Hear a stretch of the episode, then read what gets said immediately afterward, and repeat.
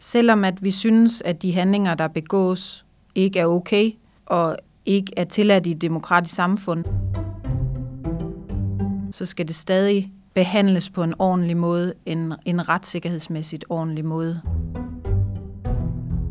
Øh, og det gør man ikke med en alt for uklar ordlyd, set fra mit perspektiv. Den 11. maj 2023 afsag retten i Holbæk dom over en 16-årig dreng for forsøg på værvning til terrorisme. Og mens terror måske mest rimer på islamisk stat eller al-Qaida, så skiller den her dom sig ud. Både fordi den drejer sig om en højere ekstremistisk gruppe fra Estland, men også fordi afgørelsen i sin grundessens har en række uklarheder og mangler. Det mener i hvert fald min gæst i denne episode af Magtens Tredeling. Hun præsenterer sig sådan her. Jeg er Nana Grønning Madsen, jeg er 36 år, og jeg er øh, adjunkt på øh, Juridisk Institut på Syddansk Universitet. Jeg har skrevet en øh, phd afhandling om straffelovens paragraf 114, som er terrorismebestemmelsen, med fokus på det, der hedder terrorismeforsættet, altså den subjektive del af bestemmelsen. Nana Grønning Madsen har analyseret afgørelsen fra Holbæk. Og hun finder, at der blandt andet er en del fejlslutninger i byrettens afgørelse. Blandt andet når det kommer til definitionen af, hvad en terrororganisation egentlig er. Men også i forhold til, hvordan byretten har dømt i relation til terrorparagrafen i straffeloven, den såkaldte paragraf 114. Det her er sagen om vævning til terrorisme i Holbæk. Jeg hedder Rasmus Lehmann Hylleberg, Velkommen til Magtens Tredeling, episode 153.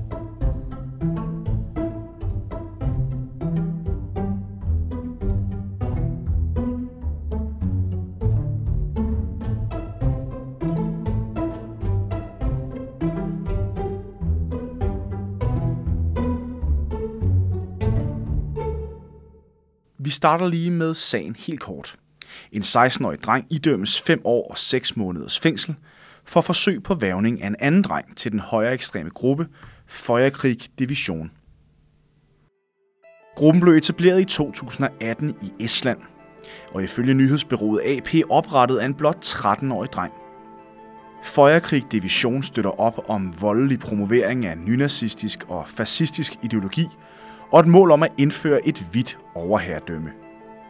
Sammenslutningen har tidligere eksplicit støttet op om Breiviks angreb på Ydøjer og masseskyderiet i den nyzeelandske by Christchurch. Og netop det, at Feuerkrig Division skiller sig ud fra, hvad vi normalvis genkender som terrorisme, er første del i, hvad der gør sagen interessant. Altså, da jeg hørte om den første gang, så synes jeg, at den var interessant, fordi den ikke drejer sig om IS, kort fortalt. Mange af de tidligere sager, vi har haft, det har vedrørt øh, at tilslutte sig IS, lade sig væve IS, øh, støtte økonomisk øh, til IS. Og islamisk stat er øh, efterhånden noget, de fleste vil anerkende som værende en, en terrororganisation. Og, øh, og derfor er det interessant, at der kommer en, en nynazistisk organisation, hvor der egentlig er tvivl om, om det er en terrororganisation. Fordi så skal domstolen ind og vurdere, øh, Øh, hvad der skal indgå i sådan en vurdering, og om den kan være en terrororganisation, når vi kigger i straffeloven. Sådan indleder Nana Grønning Madsen om interessen for sagen. En sag, der fik stor bevågenhed i det vestjyllandske lokalmiljø, der også tidligere har set flere sager om terror, herunder sagen om Kundbypigen, og senest tilbage i 2022 i en sag, hvor en 35-årig mand blev idømt 16 års fængsel for terrorforsøg. Kigger man nærmere på dommen, så er der flere ting, der springer i øjnene, siger hun. Når jeg så læser øh, dommen, så er det interessant, øh, hvordan at domstolen har forholdt sig til at vurdere, hvad der er en terrororganisation. Men det er også interessant, set fra mit perspektiv, at jeg synes, de misforstår nogle ting omkring øh, straflovens paragraf 114c, som er det, det drejer sig om. Og så afspejler dommen bare nogle uklarheder i lovgivningen, som er ufattelig svær, så det er ikke fordi, at jeg tænker, at byretten i Holbæk er sådan helt væk fra vinduet, men det, den er rigtig svær, og, og den dommen afspejler, at der er nogle ting, der er uklare. Det, der er sagens smoking gun, om man vil, er uklarhederne i afgørelsen. Det, som Nana Grønning Madsen kalder misforståelser. Dem vender vi tilbage til. For først er der det her med definitionen på en terrororganisation. For som det er i dag, kan man faktisk ikke slå op i straffeloven og læse direkte, hvad der definerer en terrororganisation. Øhm, det man skal forstå, det er, at der er, der er ikke nogen særskilt bestemmelse i straffeloven, der fortæller, hvad der udgør en terrororganisation. Så man går ind og kigger på vores almindelige terrorismebestemmelse, paragraf 114 i straffeloven. Der øh, Lene Espersen, justitsministeren, da paragraf 114 blev lavet, sagde, at for at vurdere, om noget er en terrororganisation, så skal man se på, om det er omfattet af paragraf 114. Men byretten i Holbæk går faktisk ikke ind og vurderer, om den her nynazistiske organisation opfylder gerningsindholdet i paragraf 114. De forklarer, hvad de lægger til grund for, at der er tale om en organisation, og kommer frem til, at der er tale om en terrororganisation i straffelovens forstand, men de mangler faktisk at fortælle os, om de opfylder gerningsindholdet i paragraf 114. Men i paragraf 114 står der, at man skal have lavet en, øh, det er jo definitionen på terrorisme, man skal have begået en række handlinger, for eksempel øh, drab, grov vold, brandstiftelse i grov fasong. Der er otte forskellige øh, litra i den bestemmelse, og øh, så skal man har gjort de handlinger med et forsæt til enten at skræmme en befolkning, destabilisere eller ødelægge nogle strukturer i landet, eller tvinge myndigheder til enten at gøre noget eller ikke at gøre noget. Og så skal handlingen være egnet til at tilføje et land eller en organisation alvorlig skade. Det er sådan de grundbetingelser, der er for, at noget kan defineres som terrorisme. Og det vil sige, at hvis man så skal sige, efter min mening, at Føjerkrigdivision er en terrororganisation i straffelovens forstand, så skal man gå ind og se, om de handlinger er omfattet af paragraf 114, og om de, deres forsæt med de her øh, handlinger opfylder den resterende del af bestemmelsen. Og det kan jo godt være, at byretten i Holbæk har, har foretaget den vurdering implicit, men det fremgår ikke af dommen nogle steder, at de har været inde og vurdere de, de gerningselementer i paragraf 114. Og derfor mener jeg ikke, at man så kan slå fast, at det er en terrororganisation i straffelovens forstand.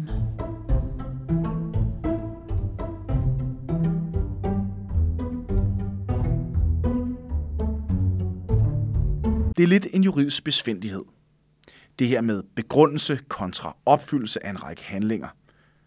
For selvom begrundelsen for, at organisationen med rette kan betragtes som en terrororganisation, så mangler dommen at slå fast, om organisationen opfylder gerningsindholdet i paragraf 114. Det kan jeg godt forstå er lidt svært at forholde sig til. Der er jo, som jeg sagde, ikke en bestemmelse i straffeloven, der siger, hvad skal være opfyldt for, at der er tale om en terrororganisation. Så det kræver, at domstolene går ind ligesom og opfinder de her vurderingselementer. Og der går byretten i Holbæk ind og siger, jamen vi skal se på, om det er en sammenslutning med en vis organisering, en, øh, en organisation, der har en vis optagelsesprocedure. Det er sådan det første punkt. Det andet punkt er, om de er optaget på nogle terrorlister, for eksempel EU's eller FN's terrorlister. Øh, det tredje, der går de ind og kigger på formålet. Det ser de gennem deres propagandamateriale eller tekst, de har skrevet ned. Og det fjerde er så, om der er nogle personer med tilknytning til den her øh, sammenslutning, som har begået enten forsøg på eller fuldbyrdet terrorhandlinger. Så det er de elementer, som byretten siger. Ud fra det kan vi vurdere, om der er tale om en terrororganisation. Det synes jeg er, er gode øh, elementer at se på. Derfor synes jeg, at dele af begrundelsen er rigtig god.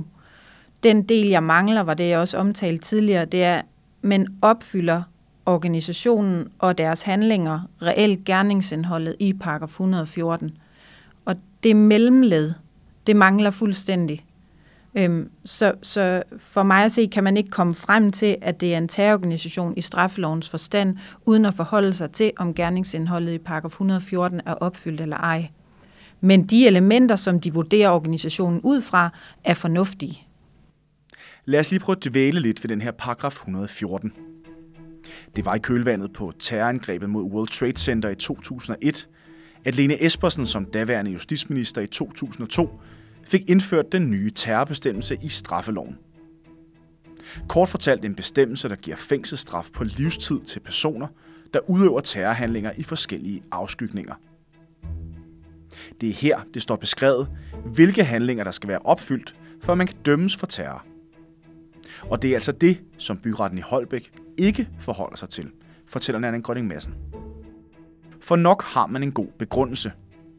Men den kobles altså ikke eksplicit op på bestemmelsen i straffeloven. Altså domstolene kan jo godt have foretaget en vurdering, men af en eller anden grund figurerer den ikke i dommen. Så altså nogle ting foregår implicit, og nogle ting bliver skrevet ud. Jeg vil bare mene, at det her punkt er så vigtigt, at det burde have været ligesom eksplicit beskrevet, hvorfor vi mener, at gerningsindholdet i paragraf 114 er opfyldt. Og det er så vigtigt, da det ellers mudrer den juridiske praksis på området, lyder det. Det er vigtigt, fordi at øh, Lene Espersen, da paragraf 114 øh, blev lavet og behandlet i Folketinget, øh, svarede retsudvalget, at for at noget kan anses for at være en terrororganisation i straffelovens forstand, så kræver det, at den er omfattet af paragraf 114.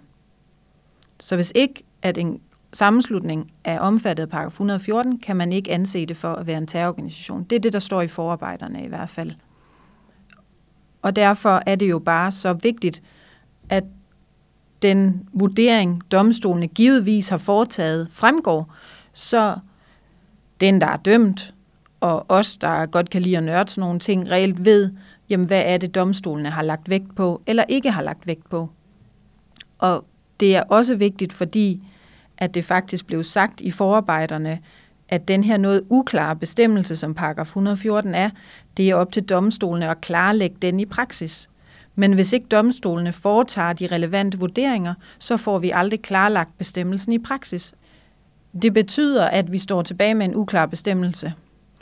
Og øh, det er noget af det, jeg i min afhandling kritiserer noget, fordi så vigtigt et område som terrorisme, der har så høje strafferammer, som der er, så er det altafgørende, at vi står på retssikkerhedsmæssigt øh, solid grund. Og jeg kritiserer lovgiver, fordi de har lavet en uklar bestemmelse, men domstolen er også nødt til at påtage sig den opgave, efter min mening, som det er at klarlægge den her uklare bestemmelse. Om det så er byretternes øh, opgave, og om de har tid til at gøre det, det vil jeg måske stille mig lidt tvivlende overfor. Men faktum er, at det her jo byretten i Holbæk skal gå ind og vurdere paragraf 114 i sådan en sag, og det har de ikke gjort.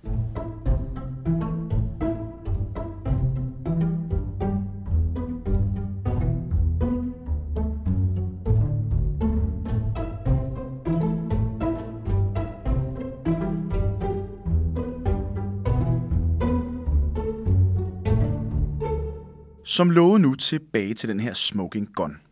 Altså den del af afgørelsen, der giver de største panderynker rent juridisk. For ifølge Nanne Grønning Madsen har byretten med den her afgørelse helt misforstået forholdet mellem paragraf 114 og paragraf 114c.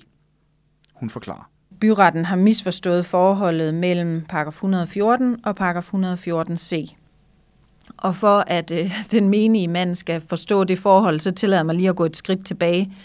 Øhm, paragraf 114 er jo vores egentlige terrorbestemmelse. Den bliver man dømt for, hvis man opfylder gerningsindholdet, og en del af gerningsindholdet er, at man har fortsat til at begå en konkret terrorhandling. Det vil sige, at der er måske lavet en plan om, at på den og den dato med det og det våben vil jeg udføre en af de her handlinger. Så har vi straffelovens paragraf 114, øh, litra B til E, som er det, vi kalder sådan nogle sidebestemmelser, som er subsidiære bestemmelser til paragraf 114. Så hvis du ikke kan straffes for paragraf 114, eller forsøg eller medvirken til paragraf 114, så kan du givetvis straffes efter paragraf 114 B til E. Forsætskravet i de bestemmelser er, at man skal have forsæt til at begå ikke konkretiserede terrorhandlinger eller terrorlignende handlinger. Så paragraf 114 er der et krav om konkrete terrorhandlinger, og i de andre er der et krav om ikke konkrete handlinger. Og det forhold mener jeg, at byretten har misforstået. Terrorbestemmelsen siger altså meget klart, at du kan straffes for konkrete og ukonkrete forhold. Sat lidt på spidsen kan man sige, at man kan straffes, hvis man konkret kører den bil, der transporterer bombemanden hen til markedspladsen, men også hvis man ukonkret underviser bombemanden i, hvordan man kunne bygge en bombe. Ifølge Anna Grønning Madsen er det i den her sag misforstået, når byretten begrunder, at der ikke er bevis for, at den dømte skulle have konkret planlagt eller forberedt en terrorhandling. For i den begrundelse ligger konkrete handlinger, der hører til i paragraf 114, og altså ikke i paragraf 114c, som udelukkende handler om ukonkrete handlinger. Byretten øh, foretager en vurdering af paragraf 114c stykke 3, som er, at man skal have lavet sig væve til at begå blandt andet terrorhandlinger. I begrundelsen derfor, der siger de, ja, han har lavet sig væve, men der er ikke beviser for, at han konkret har forberedt eller planlagt en terrorhandling. Og i den begrundelse ligger der jo en præmis om, at han skal have haft konkrete planer om en terrorhandling, hvilket egentlig som udgangspunkt hører i kassen under paragraf 114. Så siger de, det at han har haft generelt formuleret tilkendegivelser om terrorhandlinger, kan ikke føre til en anden vurdering. Og den afvisning af, vil jeg faktisk mene var det, de skulle have brugt til at opfylde paragraf 114c stykke 3. Fordi der, der i ligger jo, at han har haft mere generelle tanker om at begå terror. Altså ikke konkretiseret terrorforsæt. Så jeg mener egentlig, at den begrundelse, de laver, hører egentlig til en begrundelse i relation til en sag, der handler om paragraf 114 og ikke om paragraf 114c. Det her er altså en sag om vævning til en terrororganisation. Og her er byretten klar i sin afgørelse. Det er vigtigt at skelne mellem vævning som, øh, og dens objektive del og så den subjektive del. Dens objektive del, det er det her med, hvad er reelt vævning? Og ifølge forarbejderne til paragraf 114c, jamen der er vævning en form for mellemmandsvirksomhed. Der behøver ikke at være en form for kontraktsforhold mellem parterne. Det er egentlig bare et spørgsmål om, at man forsøger at rekruttere eller engagere, og det kan være gennem væveannoncer, vævekampagner, det kan også være personlig henvendelse, øh, men jo også de her på, på nettet, som meget af det foregår på. Øhm, så og det, det byretten ligger væk på, det er, at, øh, at han har henvendt sig til den her unge mand, som, som tiltalte gerne ville væve, og har tilføjet ham til chatgruppen. Øhm, og så har han sideløbende så sagt til de andre medlemmer af gruppen, at han har fundet en person, han kan rekruttere, og så har han sendt et udfyldt ansøgningsskema til den unge mand, og det mener jeg egentlig vil rent objektivt opfylde det, det er at, at væve nogen i, øh, i henhold til paragraf 114c. Så jeg mener, byretten er, er på sikker grund i forhold til det. Så er der jo så den subjektive del af det, som er, at han skal have forsæt til at væve en til at begå de her handlinger, eller til at støtte organisationen. Øhm, og, og det opfylder byretten så i kraft af, at han ved, at Føjerkrig Division er en terrororganisation. Og det mener jeg som udgangspunkt heller ikke, der er noget, øh, noget øh, besønderligt ved. Godt. Betyder den her dom så, at hvis man skal følge byrettens præmis, må man så gerne melde sig ind i en terrororganisation som passivt medlem, uden at risikere rettergang? Ifølge Anne Grønning Massen er bestemmelsen en lille smule fluffy, men den er faktisk formuleret på en måde, hvor man godt kan straffes i flere led. Så er vi tilbage ved det her mellem fortsæt til at begå konkrete terrorhandlinger eller fortsæt til at begå ikke-konkrete terrorhandlinger. Og paragraf 114c siger, eller den siger ikke, bestemmelsen siger det ikke, men det står i forarbejderne, at man skal have fortsat til for eksempel at begå nogle ikke-konkrete bombesprængninger. Det betyder, at de ikke er planlagt endnu, og at de ikke er konkrete i den forstand, at de faktisk er sat tid på, der er sat øh, materialer på, der er besluttet, hvem jeg skal gøre det med. Øhm, og det er et lidt fluffy øh, øh, begreb, altså der er et konkretiseringskrav i dansk ret, og det er lidt fluffy, hvad der skal til for, at det er opfyldt. Men hele formålet med de her sidebestemmelser til paragraf 114 er, at man kan straffe for noget ud i sådan flere led. Og derfor er det et ret vidt begreb, det her med ikke konkretiserede handlinger. Så igen, jeg vil mene, at byretten egentlig har misforstået det, fordi at det er ikke et krav, at han skal have konkrete planer. Det er netop alene et krav, at han skal have ikke konkrete planer. Man skal være påpasselig med at sige, at nogen skal dømmes eller ikke skal dømmes, for jeg har ikke siddet der, jeg har ikke hørt alle beviserne. Men, men jeg vil i hvert fald gerne gå så langt at sige, at der er en misforståelse af bestemmelsens anvendelsesområde og rækkevidde. og jeg vil mene, at, at Østerlandsretssagen vil blive et spørgsmål om det her. Sagen er nu anket til landsretten af både anklagemyndigheden og faktisk også drengens forsvar.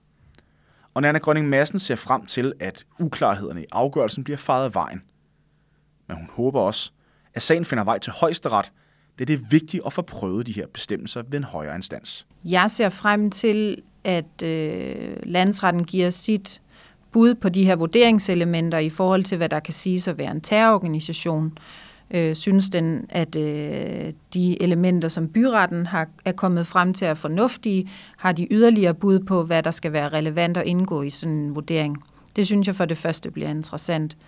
Så er det selvfølgelig interessant, om landsretten begiver sig ind i det her med ikke konkretiseret eller konkrete øh, terrorhandlinger. Øhm, det tror jeg, at de gør. Øhm, så, så derfor er det interessant at se, hvad de så kommer frem til. Øhm, derudover så er det er der noget, det har vi ikke lige talt om, men der er den her, øh, der er en uklarhed omkring paragraf 114 C stykke 3, øhm, som igen bliver noget teknisk, men det ligger sig i, at man lader sig væve til at begå for eksempel terrorhandlinger. Terrorhandlinger for at kunne være en terrorhandling skal være omfattet af paragraf 114. Ergo skal en eller anden have et terrorismeforsæt. Men er det tiltalte, der lader sig væve til organisationen, eller er det tilstrækkeligt, at organisationen har et terrorismeforsæt, og man så afleder sit forsæt fra, fra den organisation, man lader sig væve af? Så hvem er det, man skal vurdere terrorismeforsættet hos? Det synes jeg er uklart efter den her dom, og det er også uklart efter de øvrige domme, der har været på, på området. Så der øhm, synes jeg, det kunne være interessant at se, om Østerlandsret ligesom på et lidt mere generelt plan forholder sig til nogle af de her uklarheder i lovgivningen. Det tror jeg ikke, at de gør, og det synes jeg er ærgerligt, men samtidig ved jeg også godt, hvor presset at øh, blandt andet landsretterne er.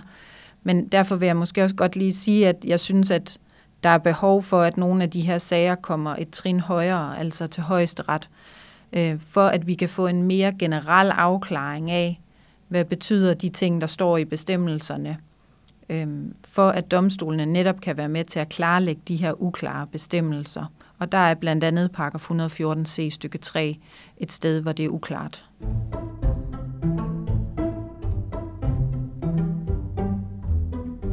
Det her var sagen om vævning til terror i Holbæk. Og tak til dig, Nanne Grønning Madsen. Det var så lidt. Tak fordi jeg måtte være med. Og også tak til dig, kære lytter, fordi du lyttede med til Magtens Tredeling, podcasten om jurens verden. Du kan lytte til hele vores katalog af spændende podcast i din foretrukne podcast-app. Og her må du også meget gerne give os en anmeldelse. Og så kan du altid læse mere på knews.dk. Magtens Tredeling er en del af knews.dk, Karnovs nyhedsmagasin om jurens verden. Vi lyttes ved i næste uge.